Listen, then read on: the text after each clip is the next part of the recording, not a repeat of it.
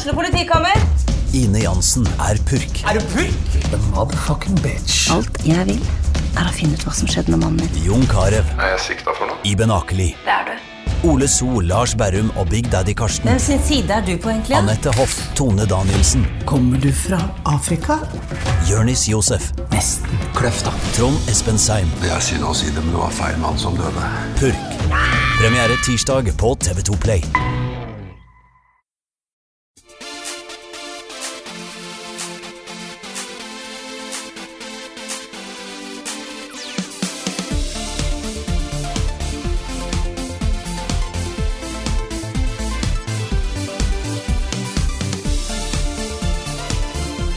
Hallo, alle sammen, og velkommen til en ny og ganske sånn ordinær episode av podkasten Level Backup. Vi er ferdig med 200-årsjubileum, vi er klar for episode 201.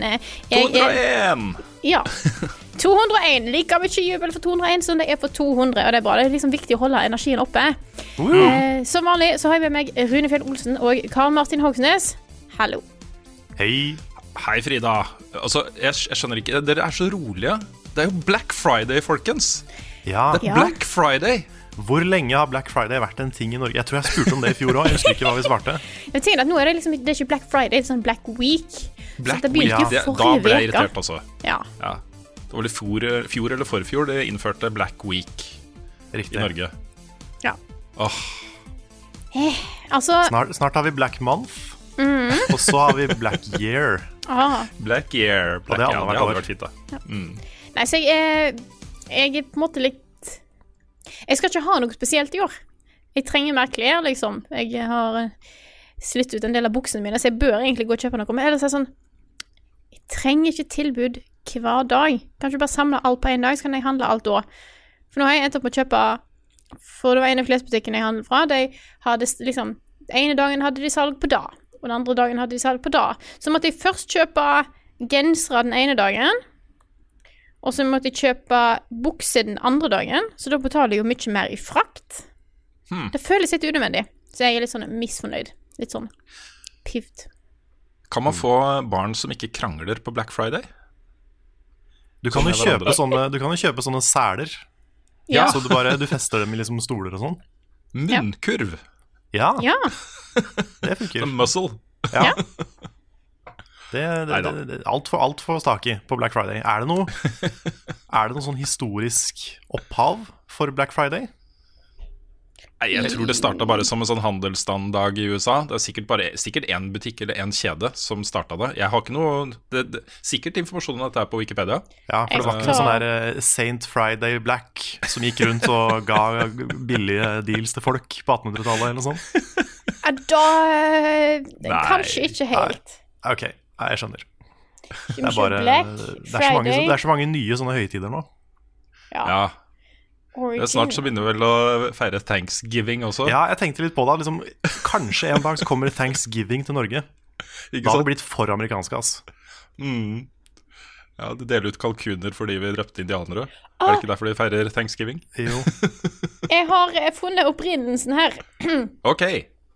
Dette er direkte søkt på Black, Friday Origin. Dette er det som kommer opp. Opprinnelse. Early 17th century as school slang in the sense Friday on which an examination is held.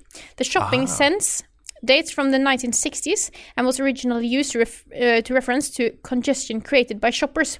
It was later explained as a day when retailers' accounts went from being in the red to in the black. Aha. Det gir jo egentlig ganske mening. Svarte Akkurat. tall på bunnlinja, altså. Ja. Så det, det fins en grunn til det meste, altså. Det gjør det. det gjør det. Kommer langt med litt eh, googling, skal jeg si dere. det gjør det, altså. Mm. Jeg skulle gjerne hatt litt penger å handle på Black Friday-salget. Men uh, ja. Det er litt trist å se på alle de fine tilbudene bare fare forbi. Ja, jeg har, eh, jeg har ikke noen sånne voldsomme behov akkurat nå, kjenner jeg. Det er um, hadde Nei, liksom det er det med barn som ikke krangler, som er det største for meg. også. Ja. Jeg Vet ikke om du får det på salg. et- Skulle gjerne hatt en heis, men det er vanskelig å kjøpe heis, på Black Friday. Ja. Ja. Mm. Jeg, eh, det, mm. jeg eh, hadde jo bursdag for eh, tre dager siden nå. Hei. Gratulerer med dagen. Takk, takk. Gratulerer. Eller tre dager siden. Da er det fredag, ja. Vanskelig når vi har podkast på én dag og kommer ut på en annen dag. Men så jeg har jo faktisk litt penger å kjøpe ting for. Jeg bare innser at hvis jeg kjøper ting nå, så tar jo jeg ting vekk fra ønskelista mi til jul. Det er ikke så lurt. Nei, det er akkurat det, sant? Da må du finne på nye ting. Ja. Ja, Eller så det blir får jeg bare ting Vanskeligere og vanskeligere. Ja, det blir det. Og i tillegg så må jeg da eh, kanskje få ei ting jeg ikke vil ha, sånn, så da føles det som at pengene ikke blir brukt opp. Så jeg Mm. venter heller til romjulssalget. Da er Lurt, Frida. sånn Lurt, Frida. husholdningsting og sånt. Mm. Er, jo- er romjulssalget bedre enn januarsalget? Det er ofte mm. Det er en god kombinasjon, tror jeg. Ja. Altså, de smarte shopperne de kjøper jo eh, sesongting utenfor sesong. Så det er på en måte det lureste vi kan gjøre, er å kjøpe slalåmski i juli f.eks. ja. Eller um, sommerting uh, i romjula. Sånn så års eh, 2019-kalender midt på sommeren. Ja, eller kjøpe sånn kjøpe, Hvis du skal for kjøpe juledekorasjoner, så kjøper du ikke det før jul. Du kjøper det rett etter jul, så du kan bruke det neste år. Mm. Det er, en, også- det er en planleggingsevne som jeg ikke har, kjenner jeg. Jeg beundrer de som har det. Men eh, sett. det er Black Friday. Det kommer jo en mye kulere dag eh, seinere, nemlig Red Thursday. Red Thursday den 13. desember. Da Det vi har en vi fin overgang. Ja, ja. Da går vi live også på Edderkoppen scene her i Oslo. Det ligger på St. Olavs plass. Lett å komme til. Bra sal. Vi var innom der eh, forrige uke, Karl. Og Det var vi. Møtte, Norwegian Thunderboys. eh, to av dem i hvert fall. Som vi skal ha show sammen med. Det blir et juleshow. Et ordentlig juleshow. Ideen kommer fra eh, alle disse juleshowene som popper opp i november-desember hvert eneste år. Med mer eller mindre avdanka artister som kryper ut av skapene sine for å synge kjente julesanger og skape god julestemning. Så det, det skal vi gjøre, da. Synge litt julesanger og spille litt julespill. ja. Ja, For det er ikke sånn at bare avdanka artister kan spille eller synge julen inn. Det kan avdanka journalister også. Beklager hvis noen føler seg støtt når jeg sier avdanka, for jeg vet det er mange oppegående, aktuelle, dagsaktuelle artister som også holder juleshow. Ja da. Um, og det er sikkert mange av de jeg mener avdanka som mange andre liker veldig godt, så beklager. Jeg vil ikke tråkke på noen tær der, men uh, jeg syns det er litt påfallende. Det er jo sikkert hele årsinntekta til mange av disse her, ikke sant? Disse juleshowene ja, ja, ja. Så Nei, men det blir kjempegøy. Uh, Det er allerede solgt en del billetter, så bare stikk inn på ticketmaster.no og skaff deg en før det er for sent. ja. Hvor mange plasser er det i den salen? 300 og Hva var det hun sa? 30? 40? Ja, noe sånt. Ja, Så da er det egentlig bare for, for deg, og så tar du med deg dine 300 nærmeste venner. Ja. Yes. Ja. De fleste har vi- jo det- mer enn 300 venner på Facebook Ja. nå, så det burde gå an. Ja, ja. Mm. Men dette her blir jo litt sånn derre uh, Det som er vanlig med sånne juleshow, det er jo et, uh, et show, og så middag, ikke sant? Eller middag, og så et show. Eller show, og så ut og ta noe drikke eller et eller annet. Vi skal ha litt det samme, da, så vi stikker liksom litt i samla flokk etterpå til uh, Tilt for å ha nachspiel. Så det her blir en sånn herre Hvis du har lyst til å ha et sånn nerdejulebord Nå selger jeg det showet ganske godt, gjør jeg ikke det? ja, ja, ja jeg, er- jeg er helt med på dette. jeg. Ja, det er fint, for du skal jo komme, Ja. Frida. Jeg kommer. Så, så bare kom. Det kommer til å bli ordentlig hyggelig. Jeg, jeg kan love det. Det kan hende det blir litt problematisk hvis alle 300 er med på Tilt. Nei, Ifølge Gøran så hadde de plass til alle sammen. Det hadde det. Eh, hvis, det, hvis det blir ordentlig ordentlig tight, så er det et annet opplegg der i den derre salen som vi hadde Tiltcast i. Den, eller Torgata Bad, tror jeg den heter. Eller ba, Torgata Bar heter den. så Bar, veldig. Ikke bad, nei. Ja, for den ligger er rundt hjørnet. Ja. Ja. Um, så mulig at vi kan stikke inn der etter hvert, da. Eh, vi får se litt hvor mange som kommer. Men, uh, Men- det var det i utgangspunktet åpent for alle å bli med ned på Tilt. Så vi har Ja. liksom reservert tilt da, for kvelden. Ja, så det er mer enn nok plass til alle sammen, sa han. Herlig. herlig.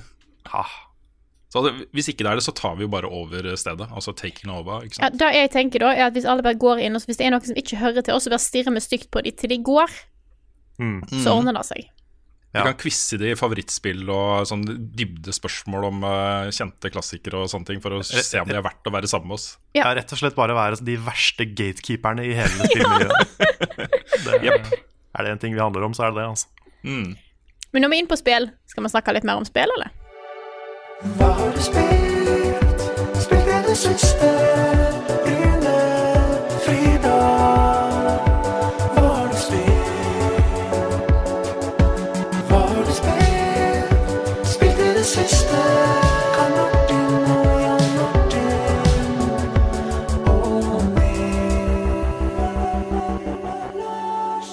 Vi har jo spilt litt spill siden sist, så jeg syns at Rune skal få lov til å begynne Fortell om hva han har gjort.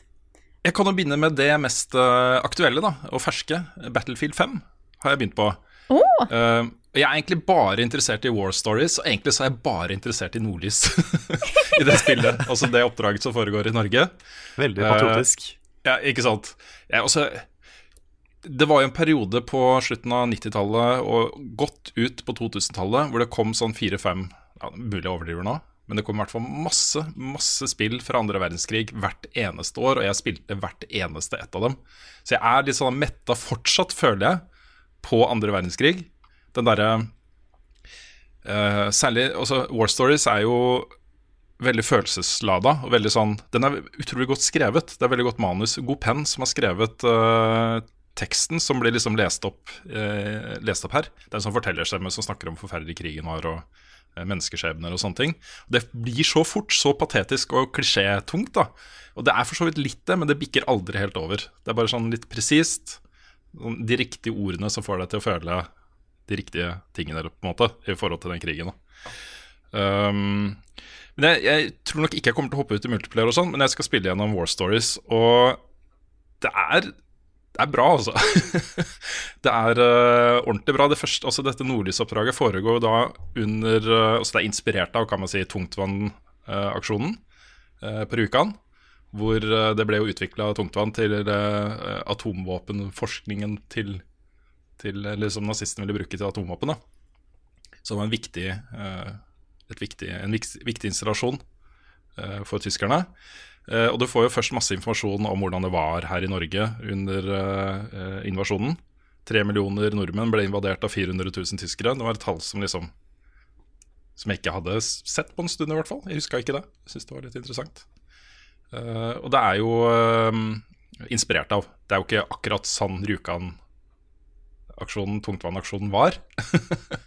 du styrer jo en, en, en motstandskvinne som heter, kalles for Solveig Fia Bjørnstad. Eh, og så har også Synnøve Makodi Lund har en sentral rolle. Og alle snakker norsk.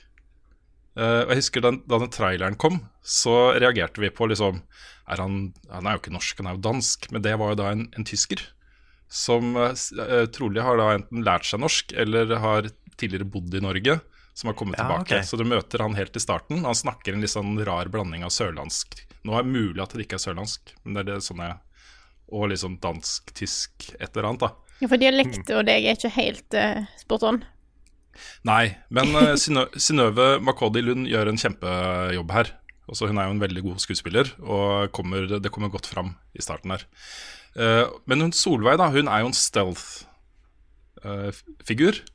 og så, uh, hvis vi skal ta litt sånn gameplay, gameplay her, så handler jo dette oppdraget om stealth. Du er alene i snøen, det er mørkt og natt og masse tyskere, og du skal snike deg fram, og hennes signaturvåpen er en kniv. Så hun står litt på ski og kaster litt kniv og sniker seg rundt og skal ikke bli oppdaga. Hvis du blir oppdaga, så er det helvete er løst, liksom. Veldig, veldig stemningsfullt øh, og, og spennende. Veldig, veldig spennende. Men samtidig litt sånn Ja. Andre verdenskrig, det er, øh, det er jeg, jeg føler meg litt Det er litt sånn Jeg, har sett det før. Ja, det er ikke, det er ikke new ground. Nei, men det er, jo, det er jo litt kult da å tenke på Eller kult, det er så feil å snakke om at det er kult, kult med krig. men, eh, men det er jo interessant i hvert fall da å se den tekniske utviklingen siden midten av 2000-tallet.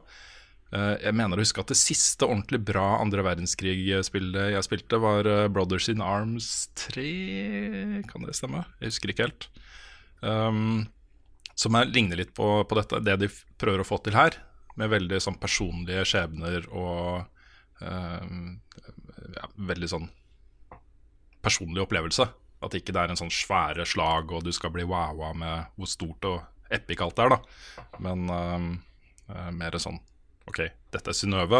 Dette er hennes innsats under krigen. Jeg tror da ikke Synnøve er en Nei, Synnøve, Solveig, er en ekte person. jeg har ikke funnet det navnet noe sted på noen eh, dokumenter om tungtvannaksjonen, så jeg tror hun er fiktiv, og jeg tror mye av det som skjer her, er fiktivt, da, basert på Ja. Men uh, vi får se. Yes. Uh, er det noe dere lurer på om Battlefield 5 som vi ikke har snakket om? Jeg ble litt nysgjerrig nå. Mm. Akkurat det er- oppdraget der tror jeg er verdt å spille, altså. Ja, jeg er litt nysgjerrig på de her War Stories-delene generelt, egentlig. Det, er, det har Mm. vært siden eh, Nick og Lars snakka om det i Battlefield 1. Ja. Mm. Så um, ja. Det er det å få tid. når man jeg først får spilt Red Dead, kjenner jeg. Men, eh, men ja, det er, eh, det er mye spennende å spille. Mm. Det er kult hvis vi faktisk jobber med å få fram gode historier, ikke bare sånn yeah, krig! Drep noen! Mm. Hey, sh- yes! Sånne ting, da. Som noen av disse spillene kanskje har vært. Mm. Jeg sier ikke at alle er det, for da, jeg sier ikke at alle skytespill er sånn, men eh, jeg liker det, det fokuset de har på historier og folk. Mm. Og så liker jeg de som ikke bare går full murka. Ja. ja. Det også er fint. Ja, Her er det jo til og med innom uh, den tyske siden. Um, I ett eller to oppdrag. Jeg er litt usikker på. Det er jo delt inn i, eh, i uh, veldig separate deler. Det er jo egne, altså det er på en måte en novellesamling fra andre verdenskrig. dette her. Du, kan, du må ikke starte på den ene og så ta neste. Du kan velge fritt blant de som er tilgjengelige nå, så kommer det jo flere etter hvert. Um, denne tyske versjonen kommer jo i desember. Um, som, som blir interessant å se hvordan de har løst den biten. Det er, eh, de sier at det kommer ikke til å være en sånn hero story. Sånn Hei, vi tar over Norge! Nei, Nei. det det hadde liksom- kanskje vært litt tonedøvt. ikke Ja. sant? Uh, men det var, jo, det var jo motstand mot krigen i Tyskland også. Jeg regner med det er det de kommer til å ta utgangspunkt i. da Mm. Ja, der er det mulig å fortelle noen gode historier. Ikke sant? Så ja, jeg kommer nok til å spille litt til. Men det er jo så mange andre ting, og jeg skal ikke ramse opp alt jeg driver og spiller om dagen. eh, men vi holder jo på med Fallout 76, som eh, Ja Vi får se. Altså, vi, ja, vi tar en session til på fredag, og så tror jeg at jeg ikke orker mer. Det er, det er Ja, vi får se da hvordan det går da. Men eh, Ja. du og jeg og. Nick skal spille det sammen, eh, Carl. Mm. Jeg har sett Eh, litt gameplay av det. Da ser det kjedelig ut, altså. Det er boring. Det er så boring. Og jeg, jeg vet ikke. Det er uh, farlig å dømme det etter bare fire timer, liksom, som jeg har spilt det. Men uh, jeg har ikke hatt det gøy så langt, altså. Nei, det er, sånn, det er ting der som jeg kan se at noen liker. Mm. Sånn Hvis du er veldig interessert i sånn der miljø, eh, historiefortelling f.eks., så er det jo ting her som det går an å sette sammen og, og sikkert få, få noe ut av. Mm. Men uh, sånn minutt-til-minutt-gameplay er, det er, ikke så, det er ikke så bra, altså. Nei, Det der brevet som Betesta sendte ut en par uker før lansering, begynner å uh, gjøre mer og mer sens nå, egentlig. Fordi det høres ut som de ikke helt Altså, uh, da det kom, så kunne man tolke det som om her er hjertebarnet vårt, ikke vær for strenge med det, vi er så glad i dette spillet her. Men nå tenker jeg at de, de vet at dette her ikke er ti, helt tipp topp, liksom. så eh, ja, det er i hvert fall sånn jeg tolker det nå, da, etter å ha spilt det. Men eh, jeg jobber jo med en anmeldelse av Hitman 2. Den er, tror jeg, ute eh, før podkasten her kommer ut uh, på fredag. Hey. Uh, og det spillet liker jeg så innmari godt. Uh, det tok litt tid å komme inn i, fordi det er et sånn prøve og feile-spill. Og når du spiller liksom verdens kuleste hitman, så føles det litt feil i starten. Det at du kløner det til, og du får ikke til, og du putter rottegiften inn i feil glass og blir oppdaga og må starte på nytt, og alle de tingene der, liksom. Det er mye av det i starten, da. Uh, og det er egentlig mye av det i starten på hvert oppdrag. Fordi du kommer inn dit, og du har et hav av muligheter ikke sant, til hvordan du skal ta ut målene dine. Uh, Og du bare eksperimenterer og prøver ut forskjellige ting. Og det funka ikke, du ble oppdaga, ok, du måtte drepe noen, og det hadde du ikke lyst til, så vi starter på nytt. ikke sant? Sånn er det å spille Hitman. Um, men, det, men det er Når du begynner å bli kjent med brettene, du har utforska og så går inn i det med all den kunnskapen, da du føler deg så kul. Det er så stilig lagd, eh, og så utrolig god uh, invitasjon da, til å eksperimentere med ting som er litt annerledes og, og rart og weird. Så um, kan virkelig anbefale det også. Det Hva er det rareste killet, rareste killet du har gjort? Eh, det er litt sånn spoiler, da. Ah, ja, men eh, men det, er så, det, er så mange, det er så mange ting å oppdage i, uh, i disse oppdragene. Og dette er det første ordentlige oppdraget, så jeg kan ta, ta et par stykker derfra. Og det er mulig at jeg viser litt fra det i anmeldelsen også. Jeg har ikke helt bestemt meg for hvor, hvor i detalj jeg skal gå på det. Men det er to stykker du skal ta ut av. Det er en, en magnat, altså en sjef av et stort selskap, teknologiselskap, som lager både innovativ forbrukerelektronikk og krigselektronikk uh, på si, da, i skjul. Og dattera hans er uh, en Formel 1 Eller er det Formel 1? Det er i hvert fall racerbiler, og det foregår under et løp, og hun kjører det løpet. Så du skal drepe de to. Det er det som er dine to mål. Og av alle de tingene du kan gjøre der, er f.eks. for å ta ut hun dattera hans, så kan du kle deg ut som en maskot. For den maskoten har en avtale om noen bestikkelser og sånt, og de møtes i skjul, da. Og så kan du dytte henne ned en heissjakt som en maskot. Eh, og han faren hennes kan du eh, ta over identiteten til en sånn derre warlord. En sånn general i en eller annen hær i en sånn bananarepublikk. Uh, komme inn på et avtalt møte, teknologidemonstrasjon hos han, hvor han skal demonstrere da uh, sånne kamproboter som du kan programmere. Du kan skanne bildet av målet, og så går de bare etter det målet, ikke sant. Uh, og da kommer du opp dit da med et bilde av han, ikke sant, og skanner det. Når du får beskjed om å skanne, så skanner du bildet av han, og så skyter liksom roboten han, da. det er så stilig, det er så kult. Og alt dette her kan du finne ut av bare å gjøre litt research og gå rundt og høre på samtaler og, og sånne ting. Ja, kanskje, kanskje en filmatisert Hitman burde vært en komedie. Ne eh, nesten. Fordi, eh, fordi eh, jeg liker så godt at de ikke tar seg selv så alvorlig nå. IO. De har gjort det tidligere. Eh, Det er flere av de Hitman-spillene, særlig er det Blood Money, er det det? het? Hvor han skulle være så hard. Liksom, og alt var så hardt og tøft og Ikke sant? Det, det var ikke spesielt vellykka. Her er det liksom Det er det, men det er det på en sånn James Bond-cheesy måte. Og da funker det så mye bedre. For han er kul, liksom. Uh, og du, du liker han, og du syns han er tøff. Men det er liksom funny når han går rundt der i, som en maskot. Liksom. Så Ja, Det er flamingokostyme òg i det spillet, er det ikke det? Jo da, det er, det er massevis. Massevis av ting du kan gjøre. Du kan, få, du kan plukke opp fisk og bruke det som et, eh, et fast sånn eh, melee-våpen som ikke dreper noen. da Du kan bare klaske til folk med fisken, så besvimer de. ikke sant?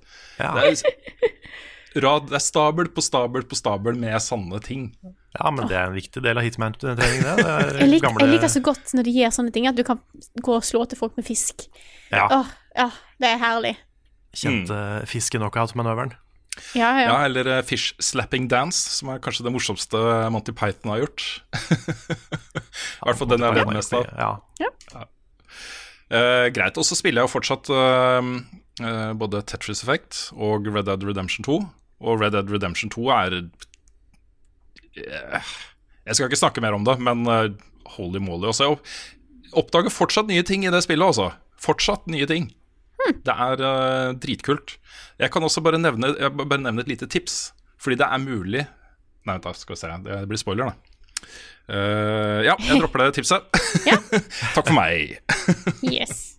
Ok, Har du lyst til å fortsette, Karl? det kan jeg gjøre. Jeg har egentlig bare spilt ett spill. Jeg har spilt veldig mye av det.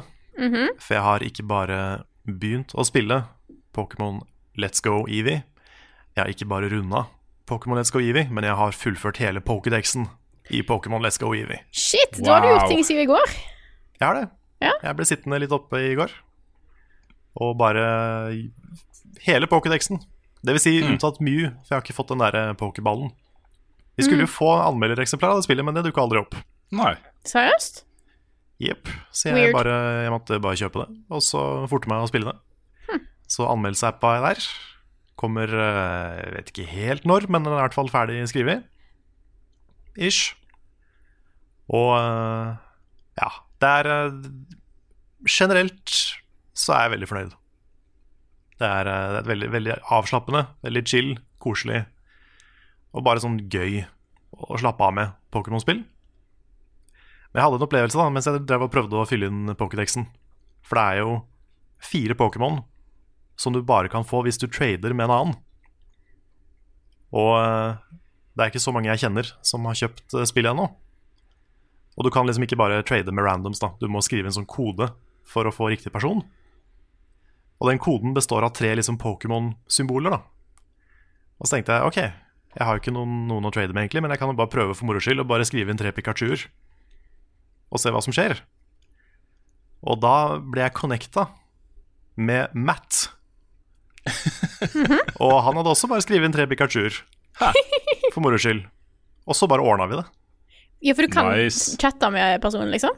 Nei, vi bare, jeg bare så hva han trada, og så trada jeg det samme tilbake. Ah, Så vi ja. holdt på sånn i ti minutter og bare liksom fiksa alt for hverandre. Så det var veldig greit. Til og med jeg hadde en som jeg hadde fra før, da.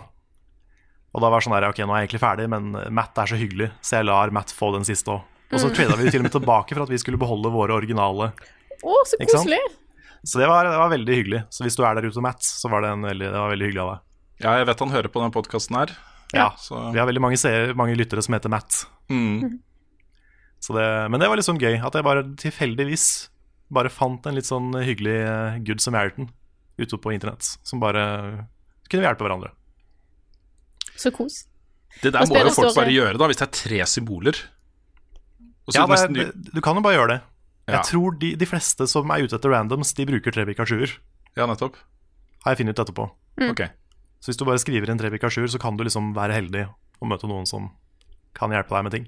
Mm. Sånn som Matt. Sånn som Matt. ja. Matt, Matt is good. Be like Matt. Men Jeg, men, eh, jeg, jeg håper å si Matt står på ønskelista, men det gjør han ikke. Det er Pokémon eh, Let's Go. Pikachu står på ønskelista mi til jul. Ja. Nei, det er, det er et veldig, sånn, veldig fint sånn julespill. Og så er det et veldig bra spill å spille hvis du er eh, ny til Pokémon. Hvis du f.eks. spilte Pokémon Go og er nysgjerrig på hovedserien, så er det laga for deg på mange måter. Og i det hele tatt. Jeg tror det, er, tror det har vært et perfekt spill å spille med barna, Rune. Ja da, det er hvis ikke, hvis ikke vi får det før jul, så blir det et julespill. Kanskje nissen har det med i sekken sin, hvem vet? Ja, kanskje det. Mhm. For det, det er nesten sånn Det kunne vi nesten laga en sånn film i tulla av hvis du skal spille det med de. Mm. Det kunne vært litt kult. Ja, kanskje det. Maybe. Ja. Jeg leste for øvrig nok en eh, det er Nesten hver, hver jul også leser jeg artikler om, eh, om det å være julenisse for barna sine. Ja. At eh, altså den, den psykologiske skaden man kan gjøre på barn da ved å lyve for dem år etter år etter år. Det sviket de føler, noen da, kan føle når de til slutt blir avslørt at ja, vi har bare løyet for deg i syv, åtte, ni år, liksom. Ja. Nissen fins ikke. Sorry, vekk. Nå Så- sa du til alle som hører på podkasten at nissen ikke fins. Shit. Og jeg glemte alle våre seks år gamle lyttere. Ja. Et lite øyeblikk der. Det var synd. Det var Ja. dumt. Ja. Det var dumt. Mm. Jeg husker eh, da jeg innså at det var pappa som var julenissen. Han hadde på seg sånn teit julenissemaske som han hadde. Eh, jeg hadde flere ganger tenkt på sånn, ja, men det er dumt at pappa alltid skal gå ut når nissen kommer. Men jeg hadde liksom kanskje bare sånn der jeg underbevisst tatt connection. For jeg, jeg far min skulle gi noen presanger til noen av søskenbarna mine, tror jeg. Så klarer jeg å på en måte se inn bak maska, og der er pappa. Jeg bare sånn Å, det er pappa, ja, ok. Og da var jeg liksom da. Da var jeg på en måte bare fornøyd, for det på en måte ga alt mening samtidig. Og jeg var bare sånn Å ja, stemmer. Ja, nei, Jeg heller fikk ikke noe sånn grand betrayal, altså. Nei. Men det var, det var fordi jeg tror jeg allerede mistenkte det da jeg var to år.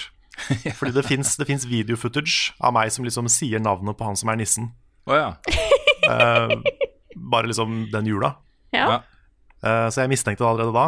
Men året etter så hadde mamma og pappa et sånt dilemma med liksom OK, vi kan prøve å lage en troverdig nisse, eller vi kan la min kusine, som var fire år eldre enn meg, være nissen.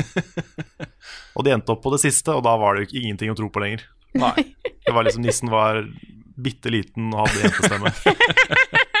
og da var det liksom Da var det over. Ja. Nei, jeg husker den der katt og mus-leken vi hadde i mange år. Tre-fire år, tror jeg. I hvert fall to-tre, da. Hvor uh, vi visste at, uh, at nissen ikke var ekte, men uh, foreldrene mine opprettholdt liksom skuespillet, da. Eh, og det ble liksom bare gøy. At vi visste det, de visste at vi visste det, de prøvde å late som de ikke visste det. Og så ble det sånn hvert år, da. Så- Men det er da du må leie noen til å være nisse. Ja, det er akkurat det. Ja. Jeg var jo er- nisse for uh, venninne av, søs- av uh, dattera mi uh, forrige jul.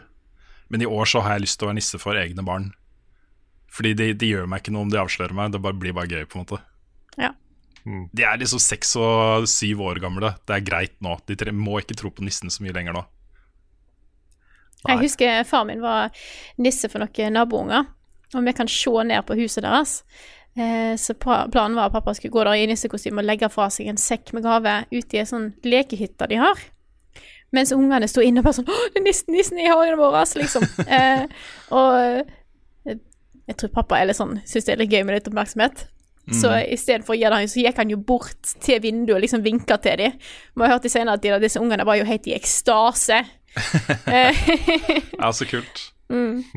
så det er litt, eh, det er litt kult når jeg faktisk får leid inn nisse, da, for da på en måte jeg ser at nei, det er ikke familien som går vekk, og nei, det er Mm.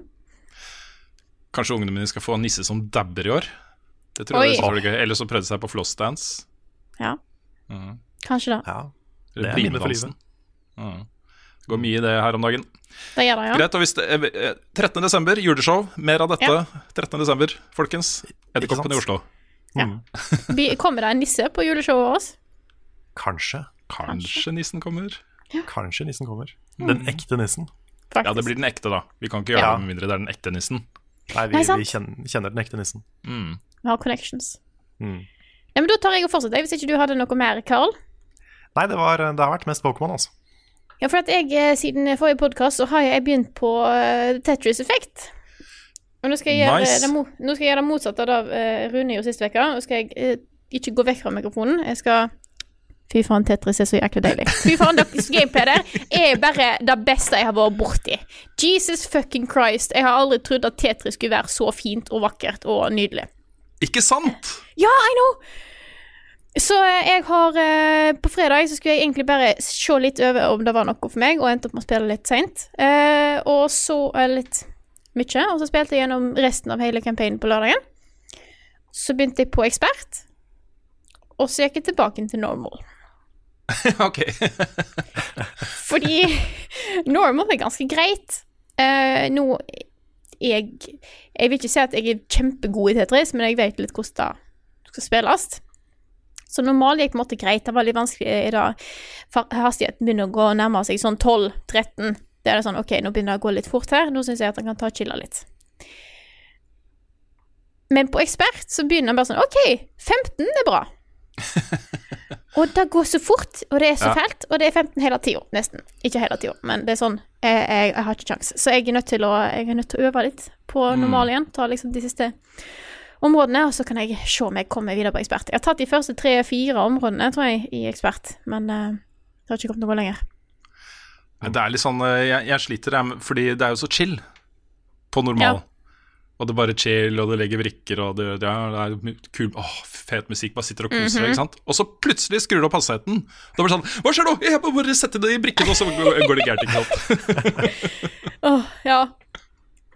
Jeg tar meg sjøl hvis jeg setter brikka, eh, brikka feil, sånn at jeg basically fucker opp hele streaken min, da. Så plutselig bare så sperrer jeg opp øynene, jeg blir helt sånn sjokkert. Jeg merker at jeg gjør det. Så jeg tror hvis dere hadde filma meg, så kan du faktisk se ganske tydelig på meg når jeg fucker opp, da. Så det var eh, kan, Det var jo egentlig snakk om at jeg kanskje skulle streame det i går. Men jeg innser at det, det er kanskje litt vanskelig å streame det, fordi at jeg tror jeg slutter å snakke. Eh, Vi får, bare, vi får ha masse folk med oss. Ja. Så skal vi stille deg masse spørsmål, sånn at du må. Ja. Ja, det er kjempevanskelig å snakke mens man spiller det spillet der, altså. Det er Ja. en utrolig sånn introvert opplevelse. Og aller helst liksom med headset, og aller, aller helst i VR, da, hvis du har eh, tilgang til det. Å, det må Så- være helt fantastisk. Ja, tenk deg det, liksom. Altså, det er meningen at du skal Det er veldig sånn derre uh, Ja, meditativt, zen-aktig. Uh, du skal liksom bare drifte med dette her. Du blir så dratt inn. Ja, det gjør det. Det er helt ekstremt, altså. Mm. Det er så lenge siden folk har snakka så opp et Tetris-spill, så jeg må jo spille det her nå. Ja, for Ja, det er du, rart. du må rart. spille det, Carl. Det er veldig interessant å sitte i 2018 bare sånn OK, noe av det beste som har kommet i år, er Tetris. Men det er ikke, det er ikke langt fra det, altså. Det er, det er langt opp på lista mi over spill for 2018. Mm.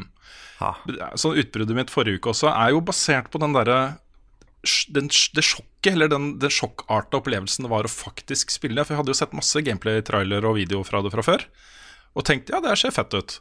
Men det å oppleve det selv, med headset og musikken og det at du gjør påvirker lydene i spill, og eh, du kan legge brikker i rytme med musikken og sånne ting, liksom, bare forsterker det tusen ganger, altså. Det blir en så utrolig sterk eh, og flott opplevelse eh, av å faktisk spille det selv, og det er vanskelig å forklare folk at, den ha, at det spillet har den effekten. De må nesten bare teste det selv for å eh, skjønne hva, hva vi snakker om der, Frida. Yep. Ukens anbefaling. Hva skal jeg finne på? Ukens anbefaling. Hva skal jeg finne på? Før jeg setter i gang med anbefaling, så skal jeg igjen takke Martin og Christian for fantastiske nye vignetter. Eh, Nice. Litt sånn der applaus eh, til dere. Jeg vil ikke klappe nå, for det blir veldig rart, for jeg sitter og holder på telefonen, men Tusen takk, tusen takk. Eh, det er jeg som kom med anbefaling denne gangen, og jeg har eh, et par ganger i løpet av podkasten kommet med litt sånne mattips. Så her er mitt mattips til dere som ikke har oppdaga dette her ennå.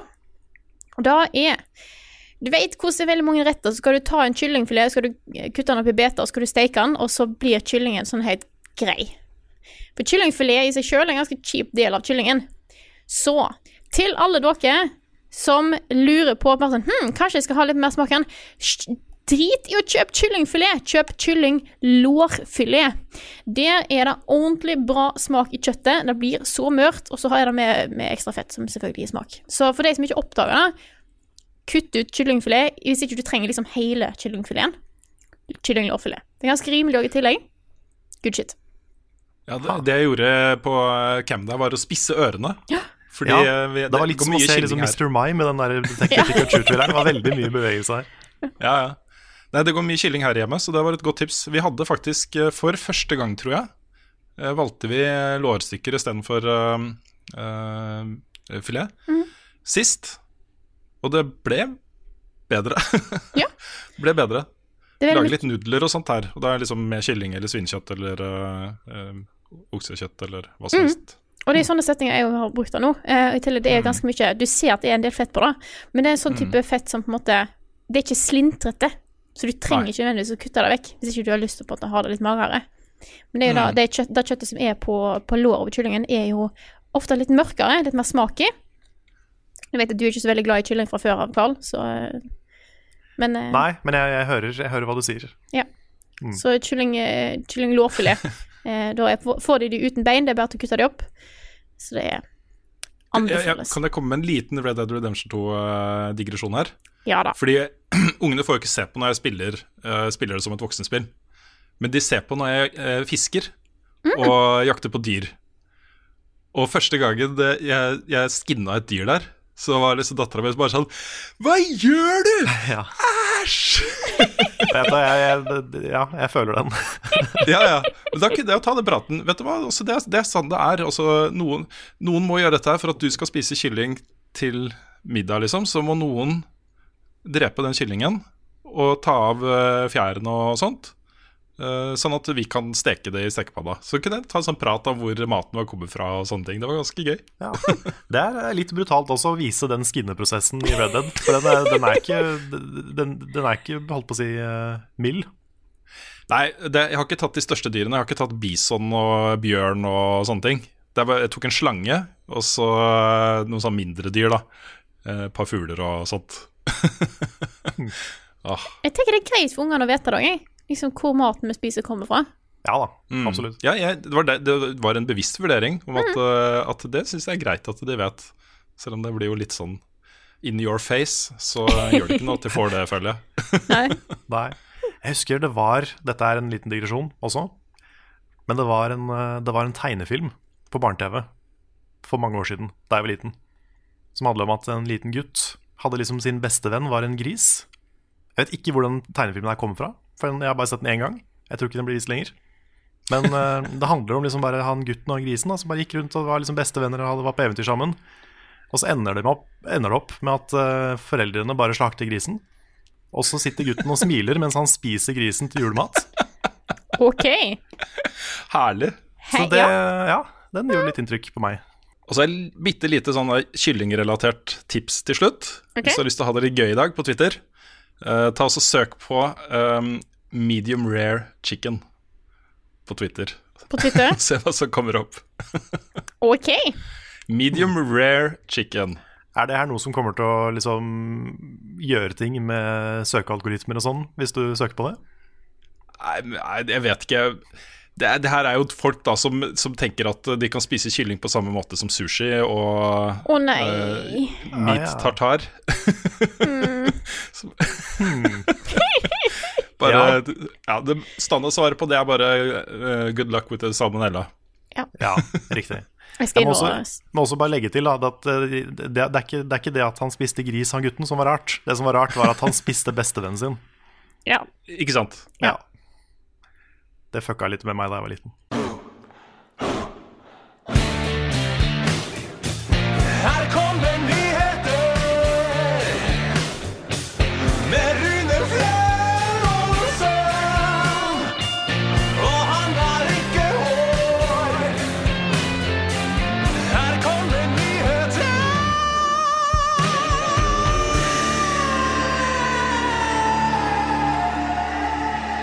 Er du klar, Rune? Jeg er klar, og jeg begynner i, eh, her hjemme i Norge. Nærmere bestemt eh, på Lillehammer. I helgen så er det finaler i eh, Telenor-ligaen der. Det er da finaler i CSGO, Rocket League og League of Legends. Og de prøver å få til et skikkelig sånn e-sport-event av dette her. Med publikum som heier og sånt. Så vi får håpe det er noe publikum i salen, da. Som faktisk kan heie litt. Jeg eh, vil anbefale alle å ta turen, eh, selv om du bare er litt interessert. Da Se på e-sport er overraskende gøy, spesielt hvis du er litt flere folk. Mm. Og, så, og så respekterer jeg veldig det gamer eh, prøver å få til her. Og det er jo å skape litt e-sportkultur i Norge, og det er bra. Og apropos kultur, i dag Det her får jo ikke vi dekka nå, i det hele tatt. eh, fordi vi spiller inn podkasten på en torsdag. Men i dag, fredag, kommer det for første gang siden 2003 en ny kulturmelding i Norge. Og det er da ja, Det er da kulturminister Trine uh, Skei Grande som har på en måte forfatta den, i samarbeid med masse folk, sannsynligvis. da. Men eh, en kulturmelding staker jo kursen for Kultur-Norge i årene fremover. Eh, og, legger, og legges litt til grunn da når man skal bevilge midler til uh, ting osv. Og, og vi da er jo fryktelig spente på uh, hvilken rolle spill har i den kulturmeldinga. For Trine Skei Grande har jo vært og besøkt masse norske spillutviklere og snakka masse om hvor viktig det blir i fremtiden for Norge. Så vi ser da om det gjenspeiles i den kulturmeldinga. Så jeg vil bare, egentlig bare anbefale folk å stikke innom pressfire.no. eh, enten da i morgen eller i løpet av helgen. De kommer garantert til å ha en solid gjennomgang av, eh, av den kulturmeldinga. Han er ganske flink til, de er ganske flinke til å ta tak i sånne norske politikkting når det gjelder spill. Ja, det er det. Pressfire. Pressfire er veldig god på det. Mm. Den forrige kulturmeldinga ble da eh, ført i pennen, eller ikke ført i pennen, kanskje. Jeg tipper hun ikke skrev så mange bokstaver selv, men hun som var ansvarlig for den, var jo eh, Valgjerd Svarstad Haugland. Eh, og hun ble jo sånn berykta i spillsammenheng fordi hun var så lite glad i uh, Grand Theft Auto 3. det ble en Ja. kjempedebatt her i Norge rundt uh, der. Har ikke du spilt GTA med Valier? Jo da, det har jeg. Opp på møterommet møterom. ja, jeg husker at jeg, jeg, jeg husker best, er at jeg tok tak i et balltre, løp bort, og så slo jeg til en tilfeldig fyr på gata. Og så eh, kom det masse blod, og så eh, gikk jeg i blodet, og så ble det blodfotavtrykk når jeg løp videre fra, fra en fyr. Ja. Og det jeg husker best, er at hun sa 'oi da'. Og så sier jeg 'ja, ikke sant'? ja det, det er også en representasjon av, av gaming. Altså. Nei, jeg, jeg må innrømme at jeg ville jo ha litt reaksjoner fra det der. Og hun holdt seg beundringsverdig i skinnet. Det var ikke sånn øh, Jeg, jeg håpa litt hun skulle klikke litt i vinkel av det hun Ja, sa. sånn, ja. Det gjorde hun ikke, da, som var veldig proff. Ja. Um, det kom jo også en spillmelding i 2008. Det var da Trond Giske eh, som var ansvarlig for den. Det ble presentert på, eh, i, til, i kontorene til Funcom. Som jo, jo da ikke er så stort og viktig som en kulturmelding, men det er jo på en måte en sånn hint, da. Det skjedde jo nesten ingenting eh, med bevilgninger og sånn etter det, men de siste årene så har det skjedd litt. Så det blir kjempespennende. Jeg håper at, eh, at eh, de kan bidra til et løft nå. Fordi norsk spillindustri har kommet til et punkt nå hvor sånn en 100 000 her og 100 000 der og kanskje en million der, da, hvis du er mange ansatte og lager spill med veldig internasjonalt snitt, det er liksom Det er ikke mye penger i det store og det hele. Det er ikke det du skaper en industri av. Så ja, det hadde vært morsomt med en litt mer offensiv satsing fra myndighetene, myndighetene her. Og jeg føler norsk spillindustri er moden for det. Absolutt. Oh yes. En, en liten kjapp nyhet som jeg så, eh, som, bare er, eh, som jeg har med fordi eh, den er sånn internt relevant. The Messenger har fått New Game Plus-modus. Ja, kult. Mm. Det Ute nå på PC og Switch. ut, altså. Ikke sant? Og så har da No Man's Sky fått en ny oppdatering som heter Vision. Og det, det er jo den oppdateringa som eh, jeg etterlyste da jeg anmeldte eh, No Man's Sky. Next. Det er eh, fem nye planetbiomes. Det er mye mer flora og fauna. Større fargepalett i landskap. Forbedret sånn himmel... Hva heter det? Himmelhvelv? Himmel... Ja, sånn skybox. Skyboxen. Ja, forbedra. Mhm. Um, til og med kan få regnbuer. Uh, du kan grave etter alien-fossiler uh, og, um, og uh, farme etter ny eh, alien-teknologi som du kan lage nye ting av. Og det er også innført masse nye community-oppdrag. Det liksom, det var akkurat de, det var de tingene. var de tingene, det er på en måte, det er ikke det eneste det spillet mangler, men det er en stor og viktig brikke. da. Fordi jeg klaga mye på at alle planetene ser ganske like ut. Og har du først sett én biome, så har du sett dem alle sammen. Så, så jeg er veldig spent på hvordan, eh, hvordan den er. Det kommer også en expansion pack til Civilization 6 i februar, som heter Gathering Storm. Og det som er interessant med den, er jo at den, eh, den introduserer jo da forurensing og klimaendringer som en del av sivilisasjonsutviklingen. Det er dritkult. Ja, det er ganske kult. Ja, det er kjempebra.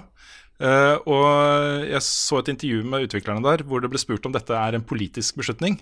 Og de svarte bare nei, det er bare en, vi ønsker bare å reflektere vitenskapen.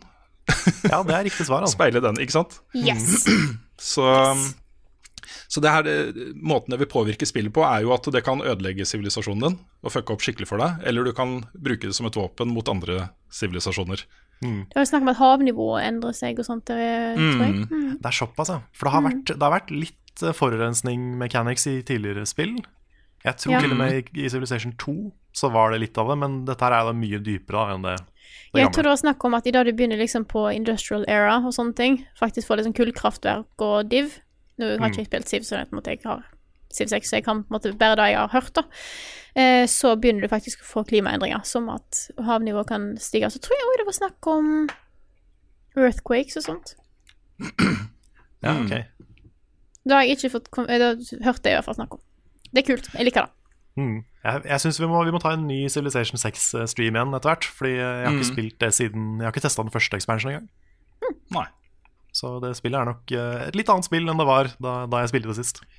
Det vil jeg tro. Nå har jeg veldig lyst til å snakke enda mer om Red Dead Redemption 2, og særlig liksom forurensinga som er- skjer utenfor Van Horn og Ansberg og uh, Saint-Denis.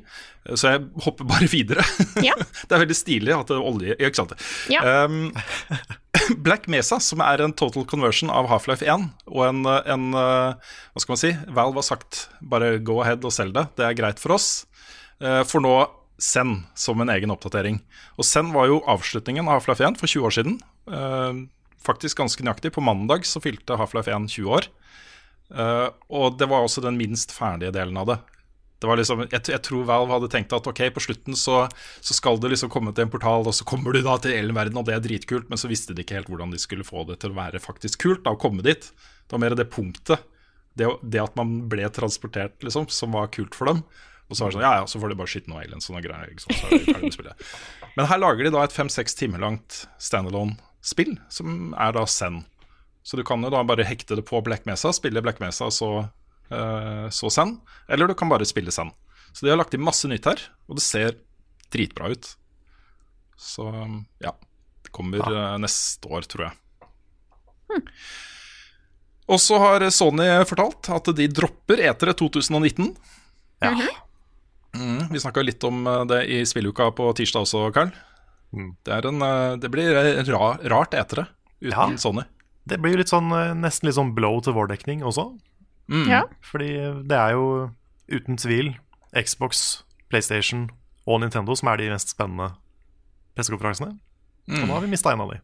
Men uh, da, vi får, uh, For se. Det kan jo være at de andre nå stepper up gamet sitt litt nå, for å vise at uh, vi At de fortsatt har et stor Stor satsing, da. Men det blir spennende å se hva Sony gjør, for det er sannsynligvis eh, en grunn til at de gjør dette, vil jeg tippe.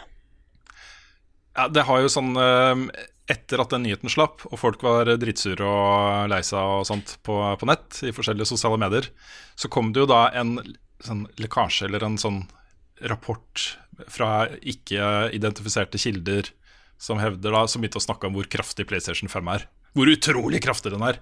Det her er styrt. Det her er styrt fra Sony. Bare sånn nugget Yes. med et eller annet. Bare få det til å snakke om noe annet enn at vi ikke har noe å vise fram på etter 2019. Men jeg tror jo altså jeg, jeg tror jo det å ha Det å hoppe over etter det, kontra det å ha et skikkelig dårlig E3 Det er ikke sikkert det er dumt. Sånn med tanke på at veldig mye av det, de, det som kommer ut nå i 2019, eh, har blitt vist allerede. Og så kommer de helt sikkert til å ha noe eget eh, Sony-opplegg, om det er rundt E3 eller om det er en annen tid på året. Så Det blir spennende å se, ja, det blir spennende å se om de kommer tilbake neste år. Mm. Eller Det året er etterpå. gjør. To år. Ja. Ja, men også, Du har helt rett i det, Carl. fordi um, all, alt tyder jo nå på at Microsoft kommer til å ha en kick-ass etter 2019. Det virker som om de har veldig mye som de ruger på, som de gleder seg til å vise fram. Mm. De har kjøpt opp masse studioer. Eh, mange forventer at de kommer til å avduke neste Xboxen, eller i hvert fall en ny versjon av Xbox One. Uh, og hvis da Sony kommer liksom Ja, her har du liksom de tingene dere har sett da en stund. Um, det har vi. Så blir det negativ PR-effekt for Sony. Ja. Når du setter det opp mot hva Microsoft gjør. Så ja. Vi skal ha livestream allikevel. Vi får se hva vi finner på. Og så er det da Game Awards den 6. desember, og det er jo sånn Game Awards er jo litt fesjå, men det er også ganske bra, Ja, har blitt det. ikke sant? Det var ikke det. Nei. Men i fjor syns jeg det var kjempebra, og vi satt jo Ja, det oppe det. sammen og så det litt på natta, Karl. Jeg har litt lyst til å prøve å få til en stream i år. Ja, Ikke, jeg, ikke full E3-stream hvor vi sitter i et studio, liksom, men at vi i hvert fall uh, sitter uh, f.eks. på Discord og Mm. bare kommenterer og ser på det mens det foregår. ja, jeg får se om jeg orker. Ja. Det er 6. desember, det er midt på natta. Ja, det blir seint på, natta. Ja. Men det var jo I fjor så ble jo DLC-en til Selda kunngjort der. Mm. Bayonetta 3 ble vel kunngjort der. Ja da. Yes. Fares hadde det gøy på scenen. Ja, ja, det var første, det Stemmer det var første, det, var, det stemmer, det. Var ja, Josef Fares. Mm. Oh, det er beste moment i 2017. Fuck the Men, Oscars. Yes. Men også eh, første gang vi fikk se Sekiro. Eller Sekiro. Stemmer det? Mm. Så det er jo en sånn mini-pressekonferanse nesten mellom alle awardsa. Mm. Så det er jo også, egentlig så er det et reklameshow eh, Ja. med noen awards. Så det er jo veldig, veldig markedsføring, hele greia. Ja, men, Men, det de har eh, skjønt, det de har skjønt er at. Ja, ikke sant? Det de har skjønt er at du må ha ordentlige, ordentlige kategorier med liksom rettferdige vinnere. Du må ikke bare eh, Nå skal jeg ikke si hvem det var, men jeg ble spurt om å være med i juryen til ny spillpris, ny nordisk spillpris nå for et par uker siden. Hvor eh, da juryen skulle Som jeg må takke nei til. Fordi juryen skulle da finne fram til helt fritt. Jeg tror det var fire eh, kandidater, eller noe sånt. Og så var det opp til arrangørene å velge vinner, basert på hvem av de som har mulighet til å komme på eventet. Og da er det sånn det, det, det, Vi kan ikke gjøre det. Det kan ikke jeg være med på. Beklager. Da, hæ?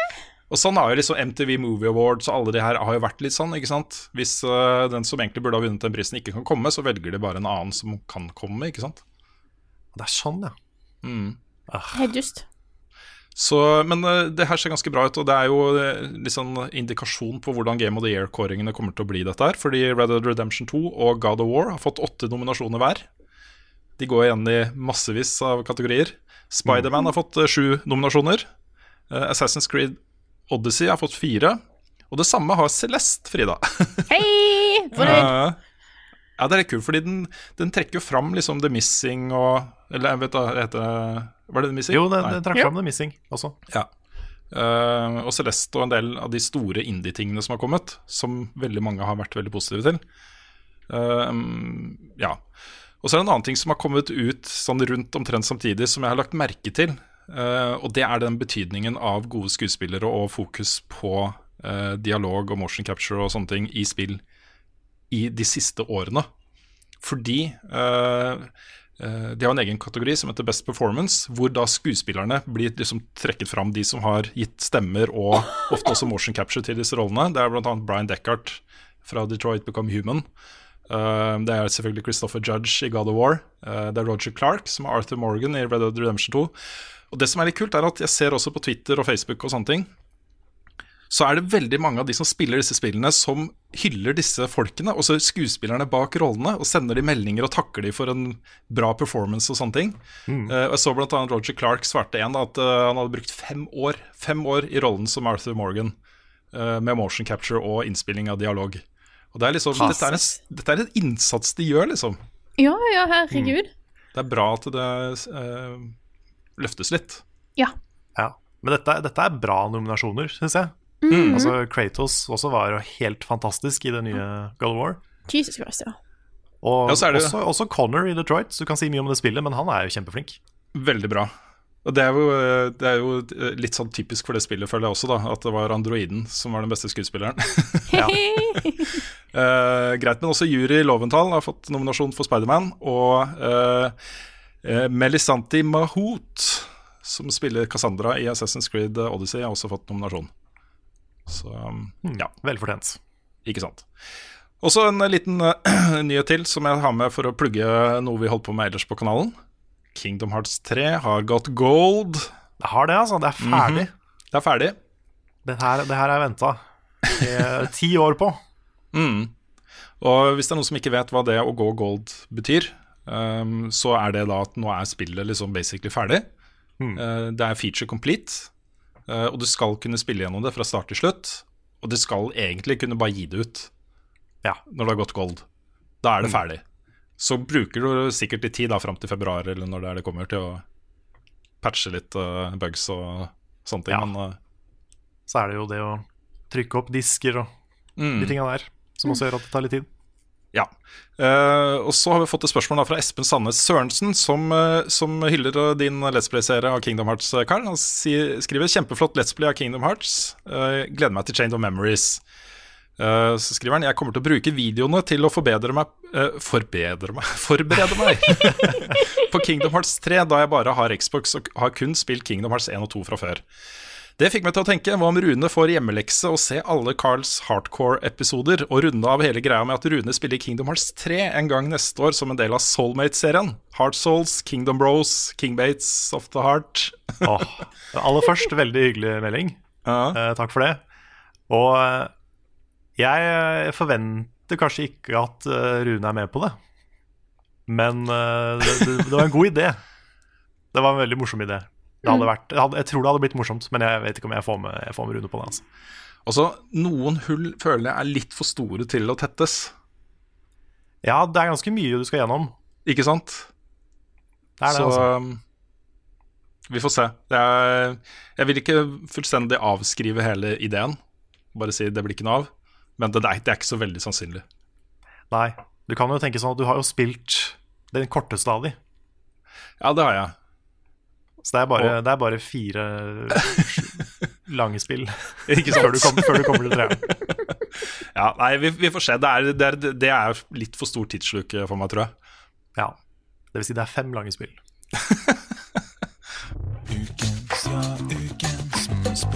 Kommer Ruen sin standup på DVD, eller? Skal jeg ikke et guttenavn? Hva er det du Carl sitt? Hvilket språk snakker Frida egentlig? Hvorfor er Mario rørlege? Vi skal som vanlig svare på spørsmål fra våre kjære lyttere, og vi begynner med et spørsmål fra Jakob Nordberg. Han skriver er dere generelt skuffa over VR. Mener dere at de nåværende tekniske begrensninger er grunnen til at det ikke har levd opp til potensialet sitt? Hva tenker dere om framtida til VR? Er målet at vi skal oppleve spilling som i Ready Player One? Ja, Han skriver også vi savner dere her i VG-huset. Ja. Jeg kjenner ikke, kjenner ikke Jakob uh, personlig, men, uh, men hyggelig at folk fra gamle jobben vår uh, følger med, og ikke minst er med på Patreon. Jeg syns det er litt ekstra stas, da. Ja, det er veldig Det er. At gamle kollegaer eh, backer oss på den måten. Så, så takk for det, Jakob. Nei, jeg tror eh, Nå er det en stund siden jeg har testa VR, men jeg vet at det har ikke skjedd så mye på den tekniske fronten siden da. Og selv om VR er litt sånn flash i starten, så følte jeg ikke alt var like godt utnytta. Jeg tror VR trenger flere spill som Tetris Effect. Mm. Ja, for å, for å svare på spørsmålet, ja, jeg er litt skuffa over VR. Eller skuffa. Jeg hadde ikke voldsomt forventninger til å begynne med, egentlig. Jeg tror veldig mange andre hadde høyere forventninger enn meg. Men jeg tror problemet, i hvert fall sånn salgsmessig og hypemessig, uh, handler mye om at det er for mye hassle. Helt enig, Carl. For du skal, det skal så lite til før noe blir for mye ork til at man gidder. Mm. Bare det at du må koble opp headsetet, du må ta det på deg, du må ha alle de ledningene på riktig sted, du må finne kontrollen etterpå, etter at du har tatt en hjelm på huet ditt. Det er, det er små ting, men de er store nok til at man ikke gidder. Mm. Og du må være, det må være så streamlined og så lett at du bare er i gang på fem sekunder, tror jeg, for at folk skal gidde å gjøre det. Ja, det må, bli, det må bli mye mer tilgjengelig. Og i kombinasjon med det, så har det også de tekniske begrensningene i VR VR-formatet foreløpig. At ikke det er høy nok oppløsning, ikke mange nok frames i sekundet. Mm. At, det blir, at du blir sliten. Jeg, jeg tror ikke det er noen som ikke blir sliten i øynene sine av å se, eh, sitte for lenge med VR om gangen i dag. Så du må få bort den, og så må du få det mye mer lettere tilgjengelig. At det er bare å ta på seg Eller skru på en bryter på brillene dine, eller et eller annet, liksom. Så er du i VR. Det må, det må bli på det nivået. Da kommer det til å overta ta over alt. Nå overdriver jeg litt, men eh, men det er liksom, sånn som du sier, Frida, at det er fint spill der. Du har Tetris Effect. Uh, forrige uke, eller et par uker siden så kom også Deraciné fra uh, FromSoft. Mm. Uh, Beat Beat Saber. Saber. Mhm. Ja. Da har jeg lyst til å teste Jesus Christ. Det er, Ja, det er my kind of game, da. Hui. ja, så det fins ting her. Det fins spill her, eh, opplevelser som er bra. Eh, men jeg kjenner med meg selv også at jeg, jeg har fått den der wow-effekten av bra VR. Og trenger ikke flere av dem eh, akkurat nå, da. Altså, hvis jeg hadde hatt et PlayStation VR-headset hjemme, eller et uh, Vive eller noe sånt, og det var kobla opp og alt var bare, så hadde jeg sikkert testa mer VR. Men det er aldri i verden om jeg orker å ha et fullt Vive-sett eller eh, Oculus eller noe sånt med alle de kablene og alt som må til da, for å få det til å funke, og plass, eh, ikke Ja, minst. de, de fem kvadratmeterne eller hva du må ha med, med helt ledig plass for å få den beste Ja. opplevelsen. Så, så, men i hvert fall for sånne spill som Tetris Effect og Beat Saber og, um, og sånt, da, som du kan slenge deg ned i en stol og bare la det VR-verden eh, skylle over deg, er jo litt annerledes enn når du skal være en marinesoldat på en alien-verden som skal skyte aliens og Mm. gå i cover og rulle over sofaer og alle de tingene som de annet viser fram i Ready Play One-filmen. Så um, Men det er, det er fortsatt noe der, men ta noen store, solide skritt framover. Så, så, så er det lettere å si at det kan ha allmenn uh, allment nedslagsfelt. Da. Jeg tror det mangler noen store aktører på markedet her. Um, de fleste VR-spillene har jo vært indie-spill og litt sånn småting. Du har jo selvfølgelig uh, Resident Evil 7, som var òg i VR. Jeg tror du trenger flere sånne store satsinger. Mm. Ja, som ikke bare er uh, re-releases av uh, Skyrim, f.eks. Ja. Men det som, det som jeg har tro på der, da, er jo at Valve har jo sagt at de nå begynner å lage spill igjen. Mhm. eh, og at de har flere unike VR-satsinger på vei. Nye spill. Nye VR-spill. Det går også rykter om at de skal lage sitt eget headset. At det går ut fra Vive og bare lager en egen Valve eller uh, Steam-ting, da.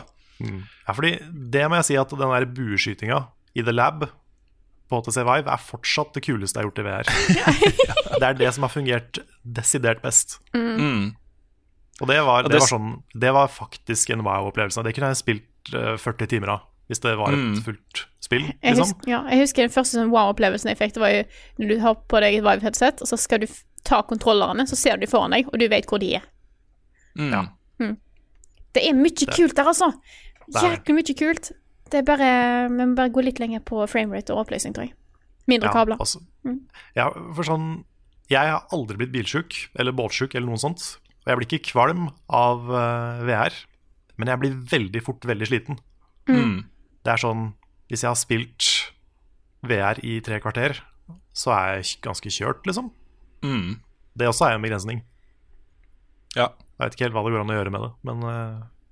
Nei, det er eh, Det er det der at det er uvant for øynene. Mm. Og det, du blir mer behagelig hvis det er høyere framerate og høyere oppløsning. Så mm. Altså hvis du får bort den der støtteringa, for det er veldig distraherende. mm. Hvis liksom bildet begynner å hvis, hvis noe blir choppy, Ja. eller noe bare hopper fra et sted til et annet, det er så weird. Så det også må bare sånn helt, helt bort. Mm. Men det er fett. Og jeg, hvis, hvis folk er nysgjerrige, liksom, så, så fins det nå masse spill som er bra i VR, og som det er kult å teste. Uh, Riktignok ikke så lenge om gangen, men du kan få en ganske kul opplevelse av VR. Så hvis folk er, eh, er nysgjerrige, liksom, så, så er det ikke noe galt i å hoppe inn på det nå. Du får jo bl.a. blant annet eh, PlayStation VR er jo ikke så dyrt. Eh, du har Oculus Go, som er et standalone VR-headset, som jeg har testa litt, og som er eh, helt OK, liksom. Um, så det går an å få en ganske grei Og du har også disse headsetene hvor du bare plasserer telefonen din inni. ikke sant? Ja. Så, så det, det kommer uh, og er tilgjengelig. Um, men for min del så er jeg klar for VR-revolusjonen om liksom fem år. Da blir det bra. Mm. Yes. Ja, hvis, hvis ikke enda mer. Kanskje ti. Vi får se. Det, De trenger å kunne lage en del prosessorer og mye sånne ting på enda mindre område, og det er en av de fagfeltene som de jobber på, på annet her på universitetet. Så jeg tror litt mer forskning, lage mindre Altså mindre elektronikk, skjermer med bedre oppløsning, så nærmer oss. Jeg, jeg nevnte dette her da vi begynte å snakke om VR, da det begynte å komme VR-headsets og sånne ting. Men jeg håper da at det skjer i løpet av min levetid. Jeg er klar til å bare bytte ut øynene mine, altså. Du er det, ja? Mm. Ja. Bare koble der altså. Ja, det er jeg det. Tenk deg så fett, da. Da kan du liksom Altså, jeg, jeg er villig til å operere på, på meg vinger. Det vil jeg gjøre, men jeg vet ikke om jeg vil ta kroppsdeler ut, altså. Nei, jeg vet ikke. Wow. Jeg Ikke tror eh, vi er enige om hvor vi er på VR, egentlig. Mm. Så tenker jeg at vi går videre til eh, neste spørsmål her. Jeg har blant annet et fra Lars Magne Valen som skriver Etter 200 episoder har dere fått inn mange spørsmål. Noen har vært om spill, og andre eh, om hva som skal være på pizzaen. Hvor syns dere grensen går for å spørre om privatlivet deres? For eksempel, er det greit å spørre hvordan treninga til Frida går, eller om eh, varmepumpa til Carl fortsatt varmer? Vi snakker jo om de tingene av og til uoppfordra, Ja. så da må det jo være lov å spørre om det også. Ja, jeg føler egentlig Jeg har ikke følt at spørsmålet har blitt for personlig i det hele tatt. Nei. Det er for meg å liksom si at Jeg kan si at jeg eh, driver fortsatt og trener. Da er jeg litt sånn på av fordi eh, vi er ganske opptatt ellers, men eh, vi trener fortsatt, så da, jeg trener. Min, eh, mine radiatorer lager rare skvalpelyder stadig vekk, men de funker. Så jeg har, jeg har varme i leiligheten, så det er fint. Så det er, jeg, jeg liker også å ta av til litt sånne små, lite høytidelige spørsmål. Jeg syns det er litt sånn for å, for å mikse ting litt opp her. Så Mm. Skal det også sies at eh, spesielt kanskje i kosekveld og sånn, så er jo Bjørn og jeg veldig åpenhjertige. Så skal jo litt til å stille et spørsmål vi ikke svarer på. I hvert fall Mm. som jeg ikke svarer på. Det, det, det meste er greit, altså.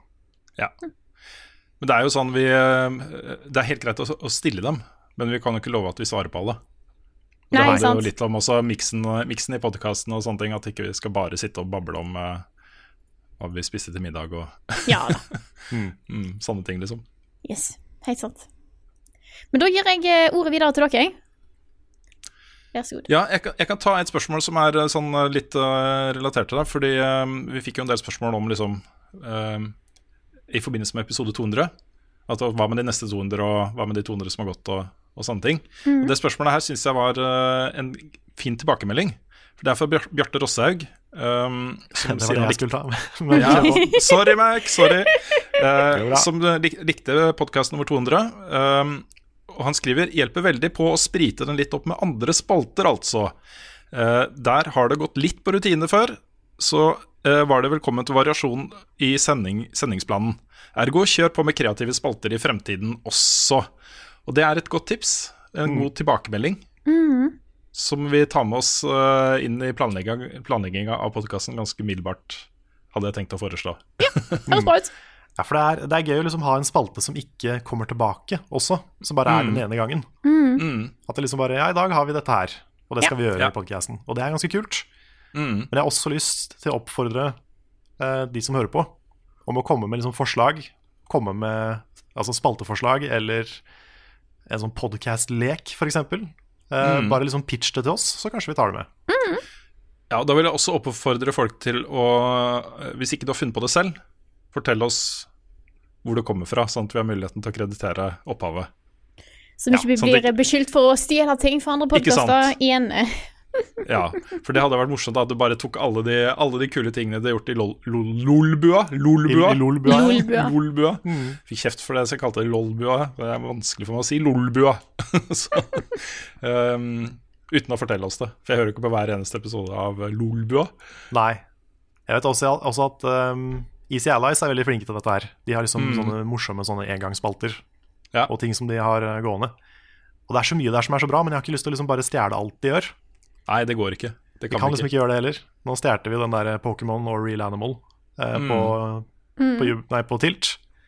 Men jeg har ikke lyst til å liksom ta alt derfra. Nei, vi må helst prøve å finne på noe eget. Ja. Yes.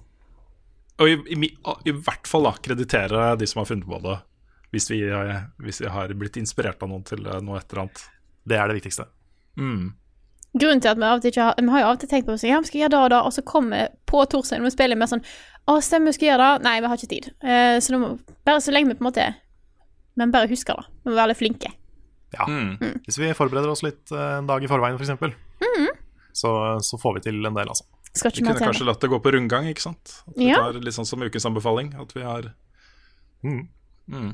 Eh, Bjarte hadde del to også, okay. som I'm lyst ready. svare på. Eh, Når det gjelder omtaler av spill som ikke er så tidkrevende, så kunne dere kanskje implementert det i podkasten. Snu litt på hva vi har spilt siden sist spalten, kanskje, og snakke om spill man ikke skal videoanmelde, men likevel har spilt nok til å gi en slags kjøpelyst til unna dem. Og det er jo det vi gjør, Bjarte! Ja, det er det jeg føler vi gjør. Ja, vi gjør Ja. på en måte det. At, men det han etterlyser, er kanskje en litt mer eh, strukturert ja eller nei. Mm. Sånn men det er liksom sånn Ja, men jeg, jeg prøver i hvert fall å være ganske flink til å si om jeg liker ting eller ikke, når jeg omtaler ting som jeg har spilt. Selv om jeg kanskje bare har testa det. Sånn som Battlefield 5 denne uka her. Og de tingene jeg sa om Hitman 2, kunne jo vært en anmeldelse. Og så eh, basert på det så tror jeg folk ville kunne gjøre seg opp, opp en mening om hva jeg syns om spillet, ikke sant. Så, så vi, vi kaller det ikke en anmeldelse og sånt, men vi gjør jo det av og til. Og det er mange ganger jeg har snakka om spill som det ikke har blitt anmeldelse av, eh, men som jeg likevel har ment ting om i podkasten. Og jeg bruker jo podkasten litt som det. Så um, Ja, jeg føler jeg gjør det sjøl litt òg, for det hender at eh, eh, jobben min tar litt tid. Uh, og derfor at ikke anmeldelsene blir ferdig så fort som jeg skulle ønske. Da føler jeg at jeg har lyst til Da bruker jeg podkasten litt som å si at jeg har spilt det her, og det er bra eller dårlig, og det kommer anmeldelse etter hvert, men da har på en måte jeg gitt en beskjed om en slags indikasjon da, på hva jeg syns om det. mm, Ja. Mhm. Så eh, hvis ikke det har kommet tydelig nok fram, syns dere som hører på, så gi beskjed, så kan vi prøve å være litt klarere på det. Mm. Mm. Agreed. Yes. Nei, Vær så Carl god, har- Karl. Ja, for nå har jo Rune stjålet de spørsmålene, Carl, så da er det snakk om at du må finne på et nytt et. Ja, men jeg har et, jeg har et backup-spørsmål, nemlig. Oh, nice. Det er sikkert et av de andre jeg har valgt ut. Ja. Ja, sikkert.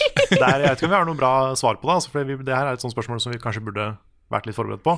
Ja. Men, eh, men spørsmålet er fra Johan Martin Seland. Spør hvilke spill mener dere har vært mest forut for sin tid? Både spillmekanisk og, og historiefortelling kan brukes som kriterium. Jeg pleier alltid å trekke fram Mario 64. Mm. Ja. Det at de faktisk naila 3D-plattforming så tidlig som de gjorde, det er jo et mirakel. Mm. Det blir mange standardsvar her, altså. Ja. Så eh, Super Mario eh, Bros også, liksom. Um, uh, Doom, eller Wolfenstein, da. Wolfenstein og Doom. Mm. Massevis av de, liksom, som uh, går igjen. Kan jeg si Harvest Moon? Du kan si det.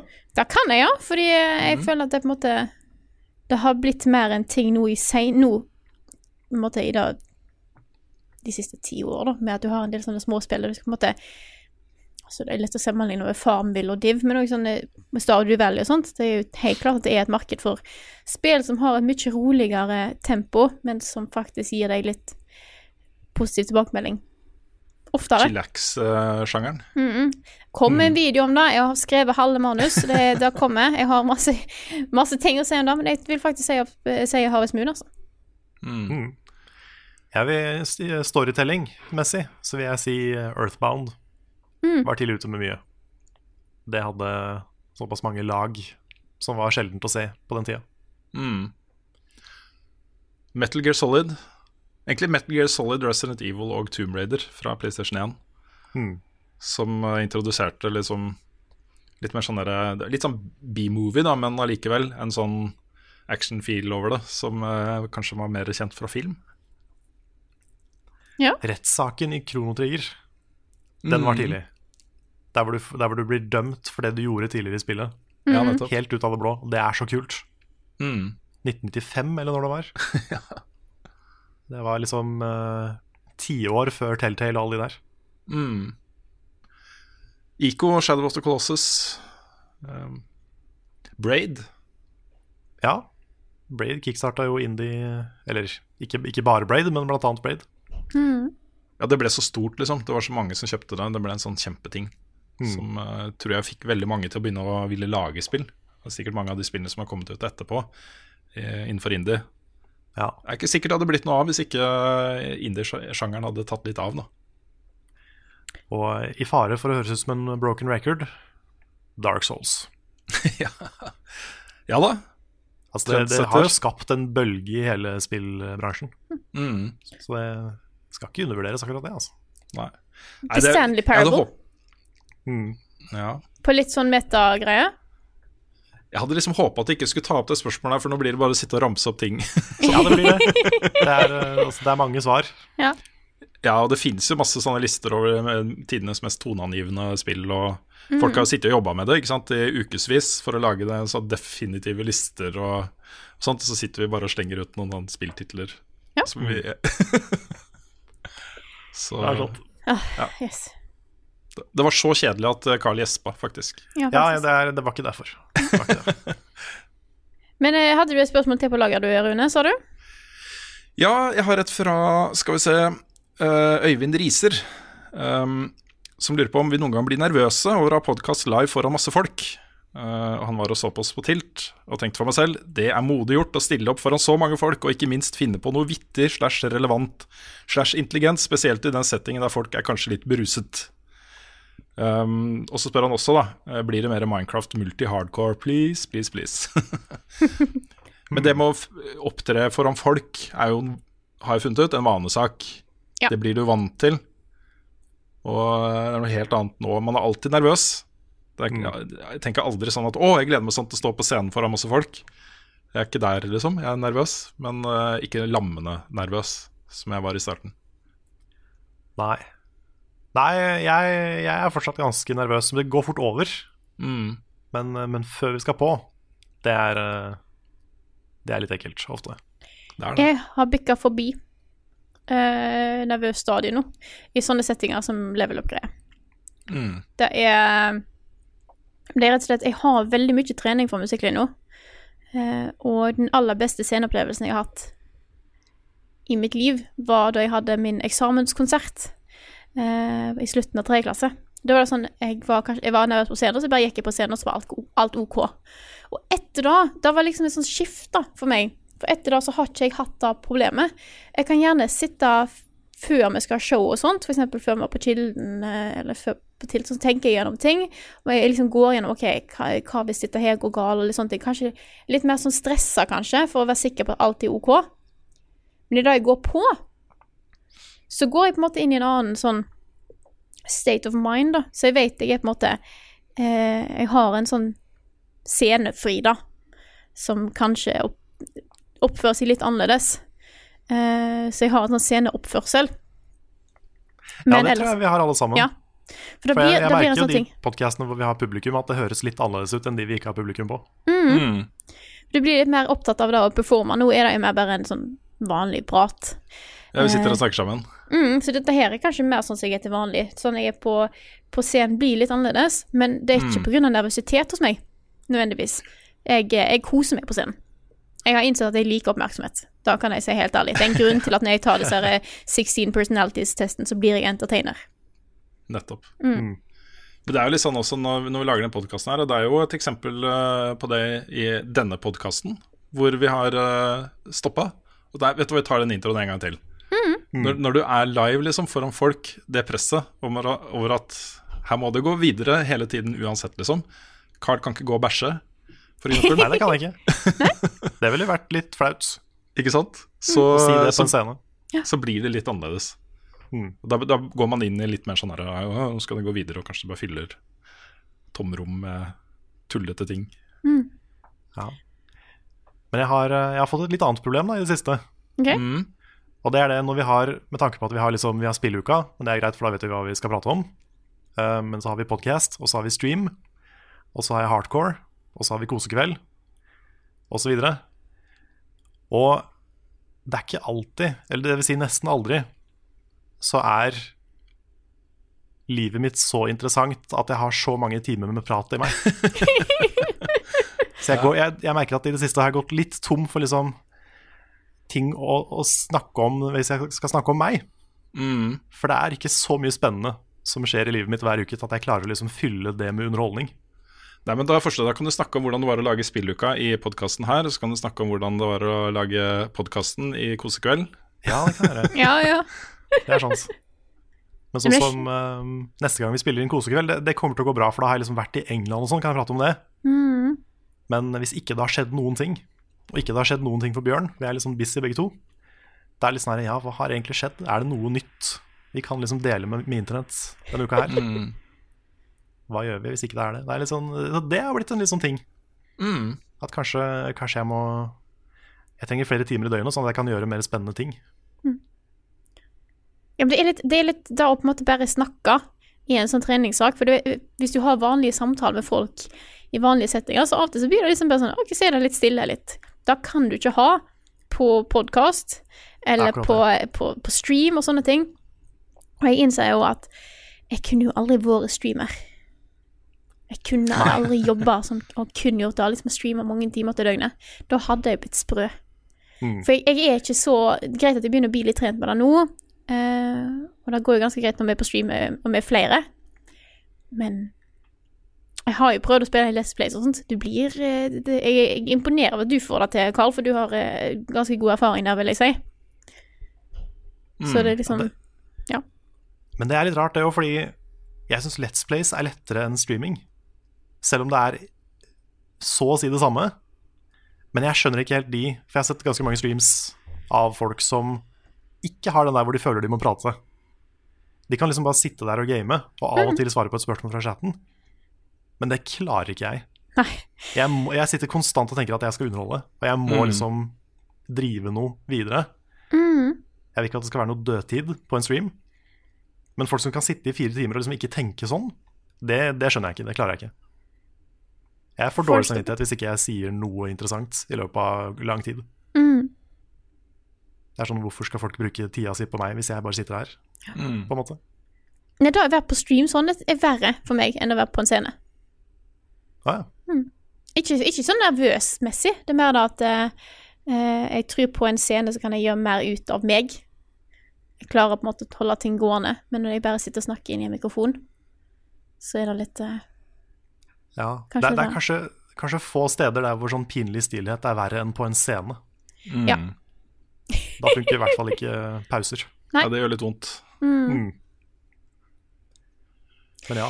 Nei, men jeg, jeg, jeg eh, Nå er det jo fordi at jeg syns det er ganske greit. Men jeg syns det er gøy at vi har litt sånn live-ting, så jeg håper ikke at det på en måte Det er altfor gale for folk å være der. Nei, vi har jo en, eh, Gå først, Rune. Ja, for vi har jo, hvis eh, dette showet vårt 13.12. går bra, så har vi jo en plan om uh, norgesturné neste år. Og da kommer vi til å utvikle et eget live-konsept. Som blir jo en blanding av ting vi gjør i dag, men at vi lager noen nye greier, da. Som bare er på liveshowet, ikke sant. Et Level Up Live-konsept som vi tar med oss rundt omkring i Norge. Så um, Kult at du teaser det nå. Bare sånn Ja, 13. Randomly. desember. Er Nei, nei, nei. Jeg tenkte på norgesturné og greier, tydeligvis. Så ja, mm. Ja, så ja. det blir uh, Det er planlagt Ja. ti shows rundt omkring i Norge neste år. Ja, vil Det er være ganske kult, egentlig. Ja, det hadde vært Det veldig kult hvis det. det ble Nav. håper vi, håper vi får det til. Så det er bare til å uh, dukke opp på Edderkoppen. Mm, Ja, håper folk gjør det. Ja. det gjør jeg også. Men, eh, men ja, det, det blir liksom en egen energi og en egen feel på live-ting. Mm. Og ikke minst er det veldig stas å møte folk også. Det da. Det er kjempekos. Det blir, eh, det blir, det, det, jeg har aldri opplevd at det har vært dårlig stemning på noe live. Nei, ikke heller. Nei. Altså, er etter, uh, etter Kilden-showet så havna vi jo på, uh, på byen i Kristiansand. Sammen med da uh, Vi satt jo egentlig for oss sjøl. Og så fikk vi vite at, uh, at uh, en hel haug av de som hadde vært på showet, satt i et eget rom litt lenger inn i lokalet.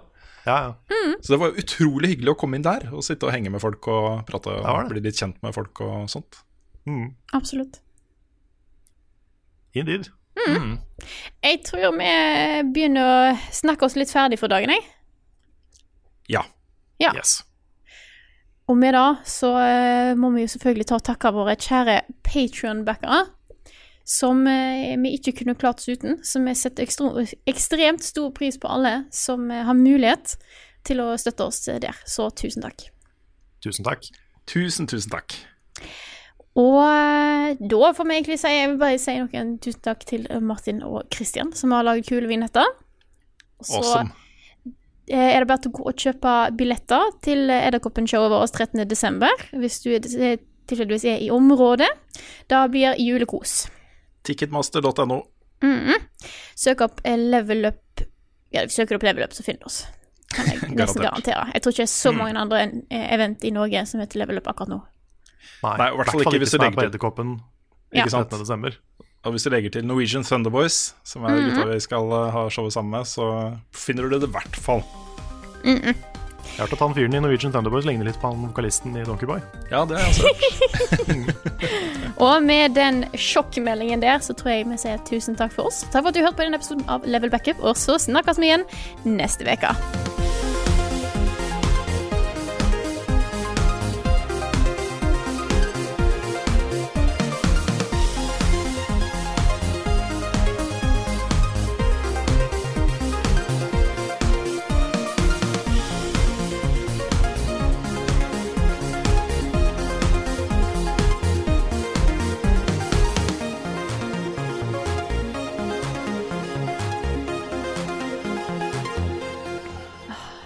Hvorfor gir folk sånne ting?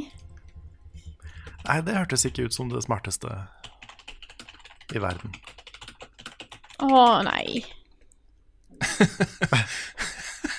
Det Bjørn ser love ganske delikat ut òg, vet du. Det er Nei, bare, det gjør ikke det. Nei, men de har prøvd i hvert fall. De har prøvd å gjøre det ganske delikat. Ja. Har du et enkeltpersonforetak eller en liten bedrift? Da er du sikkert lei av å høre meg snakke om hvor enkelt det er med kvitteringer og bilag i fiken, så vi eh, gir oss her, vi. Fordi vi liker enkelt. Fiken superenkelt regnskap.